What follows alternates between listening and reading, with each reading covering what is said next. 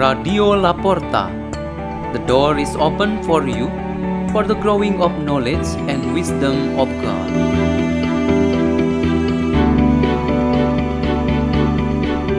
Delivered by Harry of from community of Pukat Labuan Bajo, Diocese of Ruteng, Indonesia.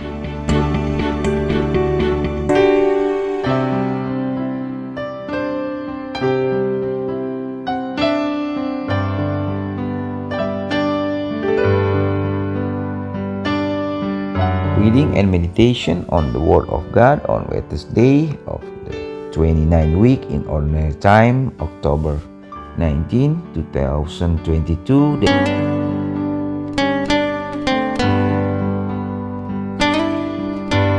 The reading is taken from the Holy Gospel according to Luke chapter 12 verses 39 until 48. Jesus said to his disciples, Be sure of this, if the master of the house had known the hour when the thief was coming, he wouldn't have let his house be broken into. You also must be prepared, for at an hour you do not expect, the Son of Man will come. Then Peter said, Lord, is this parable meant for us for everyone? And the Lord replied, Who then is the faithful and prudent steward whom the master will put in charge of his servants to distribute the food allowance at the proper time? Blessed is the servant whom his master on arrival finds doing so. Truly I say to you, he will put him in charge of all his property. But if the servant says to himself, My master is delayed in coming, and begins to beat men servants and the maid servants, to eat and drink and get drunk, then the servant's master will come on an unexpected day and at an unknown hour, and will punish the servant severely and assign him a place with the unfaithful, the servant who knew his master will, but didn't make preparation nor act in accord with his will shall be beaten severely.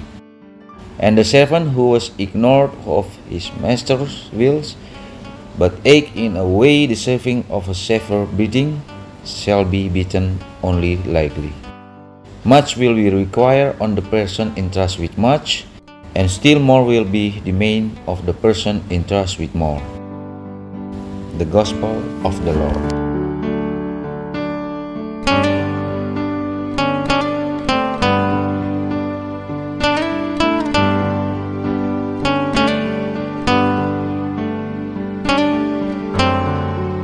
Theme for a meditation today is much is given, much is asked for. In one particular moment, a family gathered together where there were husband and wife and their four children. The eldest son has just finished his study in the university and has started working. The others were still in school, and the youngest girl was in grade 6 of elementary school. They really had a wonderful time as family because at that moment everyone was at home. The youngest child had something to tell the rest as, as he was saying, In this house, who is the most powerful one? Since all the others thought there was no need to answer that question, the youngest herself gave the answer and she was continuing, Mommy is the most powerful. She holds all the keys in the house. She knows everything in the house. Another child enjoyed the statement of the youngest as he was also saying, We all trust mommy who does everything for us at home. This illustration is to show what exactly state in our time today, which is taken from the last part of today's gospel reading. The point of Jesus' teaching is about readiness of the servant who in every moment of life is obliged to follow the movement and the will of the Master. In this sense, we put ourselves in such manner because we are the servants God who want to pattern our life in the way of Jesus Christ as our true teacher. Each of us looks at ourselves and carefully examine if we really are following the will of God. If we are entrusted with some responsibilities, we are required to fulfill them accordingly. On how important and how big demand that each person should fulfill, it is mostly compatible with the kind of trust that one has and how it is manifest in action.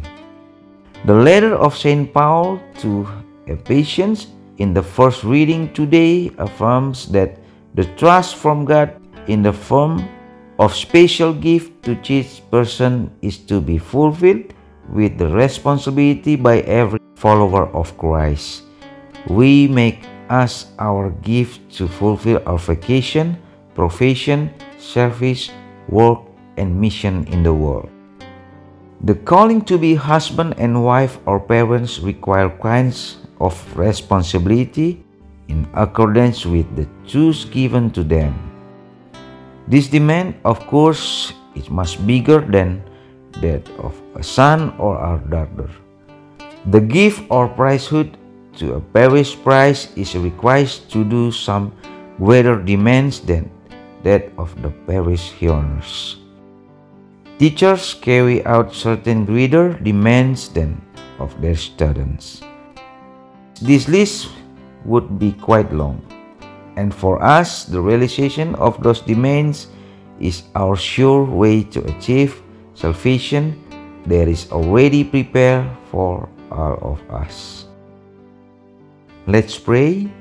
In the name of the Father, of the Son, and of Holy Spirit. Amen.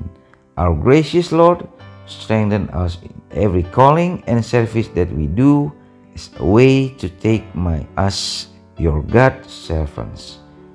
Glory to the Father and the Son and the Holy Spirit, as it was in the beginning, is now, and will be forever. Amen. In the name of the Father and the Son and the Holy Spirit. Amen. Radio La Porta. The door is open for you.